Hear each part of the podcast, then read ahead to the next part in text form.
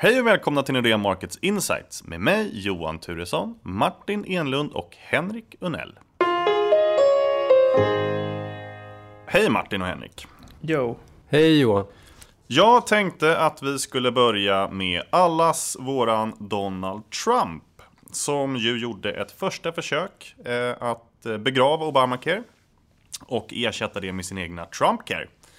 Eh, jag säger också ett första försök för att det lär ju komma fler från hans håll. Eh, det här misslyckades ju och det berodde på att han inte fick majoritet i kongressen trots att Republikanerna ju har majoritet där. Vad säger ni och marknaden om det här? Unnell. Säg något klokt. Jag säger att i många år har Republikanerna skrikit och gastat och förfärats över Obamacare och nu fick de chansen att ersätta den och så gick det åt pipsvängen. Och det är underbara sågningar av Trump och administrationen som man möter framförallt i amerikansk press. Ehm, det handlar om Trumps oförmåga att vara en dealmaker som han påstått sig vara. Om Paul Ryans, Republikanernas talman i kongressen, hans misslyckande. Om det splittrade Republikanska partiet som alla utgick ifrån eh, skulle enas i och med Trumps fantastiska seger. Men det ändå finns någon form av Tea Party-konservativa frifräsare som inte då tycks gå i presidentens koppel. Och eh, man kan väl ändå säga så här att Trump Care var ju i grunden, det var ganska dött på förhand. Det var inget genomarbetat förslag. Och det är ju också en kritik som administrationen möter att det saknas folk. Departementen gapar tomma och de fotsoldaterna som normalt sett operationaliserar och tar fram allt grundmaterial åt presidenten i alla de här lagförslagen och reformerna. Ja, det saknas. Men eh, som sagt var, jag tror inte att de hade några större förhoppningar att egentligen rösta igenom det här förslaget. Och eh, det lägger en tillfällig sorti över stämningen, det kan man ju helt klart konstatera. Börsen är ner något, räntor är ner något mer. Men som vi har sagt tidigare, vi har haft den här eh, starkare dollarn, börs upp, räntor upp och det har inte berott i huvudsak på Donald Trump utan det handlar om andra saker. Han är den lilla klicken löjrom på toppen av en toast Skagen, men, men inte mer än så. Eh, vi har det här globala återhämtningstemat. Eh, en mer responsiv Fed. Eh, de har gått från att vara rädda och oroliga till att bli mer gutsy. Eh, jag tror inte att det här, det här lägger en tillfällig sorti över marknaden men det är egentligen bara brus. Eh, så marknaden kommer att återhämta sig så småningom. Jag kan tillägga att luften hade börjat gå ur den här reflationsballongen redan för någon vecka sedan. Oljepriset hade dippat, metallpriserna hade dippat och allt mer röster, inklusive våra här på Nordea, börjat höras för att allt kanske inte är så oerhört mycket guld och gröna skogar som man trodde för ett par veckor sedan eller någon månad sedan. Och att Trump Care inte gick igenom, ja, man tror ju själv att det var de nog förberedda på. Eh, vissa krafter inom administrationen hade döpt om det här förslaget till Ryan Care. Eller i alla fall försökt göra det här dagarna innan omröstningen. Men som Henke säger, det förstärker bilden av att Trump inte riktigt vet vad han gör. Det kommer bli svårt för honom att kanske då vara den här finanspolitiska messias som vissa har hoppats. Och då blir det lite pyspunka eh, för de tillgångslag där just förväntningar kring det här hade kanske varit lite högt ställda. Tittar vi fram som strateger ett tag så tror ju vi att ISM, tillverkningsindustrin i USA, den har nog toppat den barometern och headline-inflationen i USA och i många andra länder kommer att dippa. Och det är det som vi menar med att luften har börjat gå ur den här reflationsballongen. Men det är ett strategperspektiv och det är ingenting som är av vikt för långsiktiga investerare. Nej, för på lång sikt så känns det ändå som att men amerikansk ekonomi fortsätter att skapa 200 000 nya jobb per månad och det finns ett underliggande lönetryck, inflation runt omkring 2% och som sagt var en omvärld som ter sig bättre. Men det är precis som Martin säger, man har drivit saker och ting lite för långt. Um, och nu får det sig en, en mindre törn. Men underliggande så är, det väl, är vi väl ganska positiva på konjunkturen. Jo, men ja, marknaden säger väl egentligen att i den mån det blir en fenomenal skattereform från Trump så blir den inte fenomenal och den kanske inte blir av alls. Nej, precis. Det, och det, jag tror att det lyfter fram det här problemet att det skulle vara en friktionsfri tillvaro för Donald Trump att få igenom sin politik trots att man har då en, en majoritet i kongressen. Och precis som Martin säger, det kommer nog vara, det kommer bli mycket köpslående innan dess att nuvarande skattereform som säkert är mer eller mindre färdig innan dess att den röstas igenom och det blir intressant att se hur urvattnad den är. En, en, en kul twist på det här man kan dra om man ska måla fan på väggen det är att när allt kom omkring så fick Obama inte särskilt mycket gjort. Och vissa bedömare menar att det hänger samman med att han inte var så sugen på att wine and dina olika småpåvar i kongressen. För det finns många olika maktcentrum, många människor som sitter och känner sig viktiga och vill vara med och ta beslut och så vidare. Ehm, gärna vill se att deras region får lite extra infrastruktursatsningar i den mån man ska göra någon slags skatteprogram. Och tror man det här då skap, helgens utveckling kan man då säga skapar oro för att även Trump inte kommer få så mycket gjort. Han kanske också behöver wine and dina småpåvar i kongressen och i senaten. Um, och där finns ju en risk att han blir frustrerad. Och vissa menar ju att Trump har mentalitet som en omogen tioåring i termer av personlighet och då finns ju risken att han kanske ändå känner att han vill göra någonting. Um, om han nu inte får igenom det han vill göra så kanske han gör någonting som man kan göra istället. Och där hamnar man lätt i diskussioner om handelstariffer och sådana tråkigheter. Så det är bara en liten sån här, eh, ja, liten sid, litet sidospår. Den risken har väl ökat i alla fall lite i, till följd av att Trump Care eller Ryan Care inte nu gick igenom. Så vad händer? Ja, dollarn tappar lite grann. Dollarn tappar lite på det här för att amerikanska räntor faller för att man ställer ner amerikanska tillväxtförväntningar. Ja. Om vi kikar på den eh, europeiska kontinenten då, så var det ju många som drog en lättare suck för att eh, Stjärt Wilders, jag är lite osäker på, på uttalet där, eh, inte gick fram lika bra som, ja men jag har hört att han ska uttala så. Okej, okay, det gör vi. Eh, mm. Han gick inte fram lika bra som befarat. Och då undrar jag, har populismen pikat? Jag vill säga det här, att om etablerade partier kopierar populisternas politik har då populismen pikat? Eh, jag säger väl att svaret är nej på det. Ehm, och här, här vet jag inte vad statsvetarna säger. Jag är dessutom ganska dålig på holländska, som verkar vara ett svårt språk. Eh, men utan att Mark Rutte, sittande premiärminister, utan att han kopierade delar av Wilders program, Bland annat betonar han vikten av att immigranter i landet måste dela holländska värderingar och så vidare. Utan att han kopierade delar av Wilders program och utan att han körde den här stenhårda linjen mot Erdogan så tror i alla fall jag att valutgången hade sett annorlunda ut. Mark Rutte levererade helt enkelt lite av lite av det som har gjort att holländare har sagt att de velat rösta på Wilders. Så det tycker jag vi ser i flera länder att etablerade partier förflyttar sig för att förhindra just att andra så kallade populistpartier som ja, Wilders parti då växer. Populisterna vinner inte val men deras politik verkar gå framåt ändå. Det är min, min prognos um, på det holländska valet. Ja, jag håller i stort sett med och inget övrigt att tillägga tror jag. Jag kan tillägga att jag tycker det är lite komiskt att vissa, vissa i, i Sverige, till exempel utrikesminister Wallström, hon gladdes något oerhört åt att Wilders inte vann valet. Men hennes systerparti Socialdemokratin i Holland förlorade 75 procent. Tre av fyra platser förlorade de.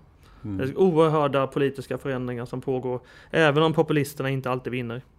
Det ska man ha med sig. Och så är det dags för britterna då att formellt lämna in sin avskedsansökan eh, från EU. Eh, hur ser marknaden på det här då? Kommer vi se samma vänta och se eh, som vi sett fram tills nu? Eller kommer man kunna skönja vad, hur det här kommer påverka brittisk ekonomi?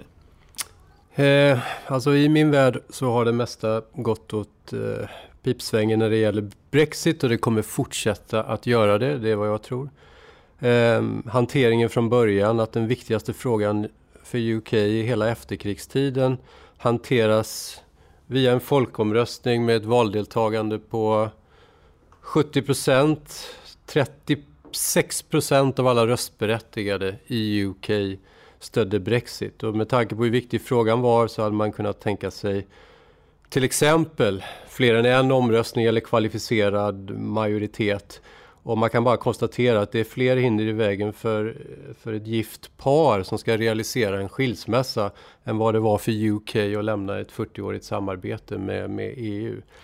Alltså om man tittar på, om man ser det från Brexit-supporternas eh, synvinkel så ser det ut som om att UK i dagsläget både kan ha kakan och äta den eftersom brittisk ekonomi under 2016 har varit Ja, den har inte skjutit några nödraketer, tvärtom. Den har tillhört topp i toppen, varit i toppen av G10-länderna och det ser faktiskt ut som 2017-2018 kan, kan fortsätta att vara hyfsat stark tillväxt någonstans mellan 1,5 och 2 procent och sen har pundet förvisso fallit med, med 15 procent. Och det är där jag tycker på något sätt att marknaden gör bedömningen om vart UK är på väg. Om du har en valutakorrigering med, med 15, 16, 17 procent. Ja, då betyder det att bortom två år, bortom prognosperioder som ekonomer gör, så ser man att kassaflödet helt enkelt kommer att bli sämre. Och jag tror på att det kommer bli en jobbig process för UK med stora politiska risker. Eh, det kommer inte finnas några klargöranden där marknaden helt plötsligt konstaterar att nu står brittisk ekonomi på ett på starkare fundament. Nu har EU gjort medgivanden som gör att, att, att Storbritannien med tillförsikt kan se framåt. Jag tror att det här blir eh, en ganska smutsig process där eh, bägge parter har en del som de vill skydda. Och jag fortsätter att tro på ett svagt pund och kanske till och med en lägre, en lägre pundsäck framöver som realiseras via en, en starkare krona om vi ska göra kopplingen till valutamarknaden. Jag tycker man kan ha med sig att ingen vet hur britternas framtida handelsavtal kommer att vara utformat och innan man vet det så kan man inte veta vart Storbritanniens ekonomi eller vart pundet är på väg med en hög sannolikhet. Men på sistone så har Storbritannien varit oerhört punddopat och det är det som höjer tillväxtprognoserna förstås. Det höjer tillväxtprognoserna och det höjer tillväxten men det sker på bekostnad av att de reala inkomsterna, prisnivåjusterade inkomster, inte alls lika höga. Sen vill jag dock jäklas lite med Henrik och det är att påstå, påpeka att det finns ju oerhört många politiska beslut som skett med mycket mindre eh, med mycket mindre valdeltagande än vad som skedde i Brexitomröstningen. Man ansluter ju länder till EU och expanderar EUs makter utan att ha några folkomröstningar överhuvudtaget. Så jag skulle inte vilja ifrågasätta Eh, mandatet i det här. Jag tycker det är lika gott som väldigt mycket annat som sker på den politiska scenen. Um, ska man säga någonting om pundet här och nu, hög inflation, god tillväxt. Um, å ena sidan, å andra sidan har man risken att EU väljer att spela riktigt hårt gentemot Storbritannien. Bland annat har EUs olika brexitförhandlare, inklusive kommissionens president Jean-Claude Junckers Jean-Claude Juncker, allas favorit. Uh, ingen gillar honom. Han har sagt att uh, Brexit-uppgörelsen kommer få andra länder att inse att det inte är värt att lämna EU. Med andra ord är vi kvar i samma retorik som vi var för sex månader sedan, nio månader sedan, tolv månader sedan. Att vissa i, inom EU vill tortera Storbritannien för att statuera ett exempel så att andra länder inte går med. Så man ska ha en klubb där hotet om utträde är så fruktansvärt som man väljer att vara kvar ändå. Jag tycker inte det känns som en positiv bild av Europa själv. Men det här säger ju också någonting om att det här kommer vara en lång process för Storbritannien, även om Theresa May nu i veckan åberopar artikel 50 och det här med officiella nedräkningen påbörjar. Så har ju också både Fed och ECB eh, den senaste tiden varit ute och pratat om att de ska minska sina balansräkningar. Tänkte jag kika mer, eh, vad betyder det och varför ska man bry sig om det överhuvudtaget? Det är hur spännande som helst.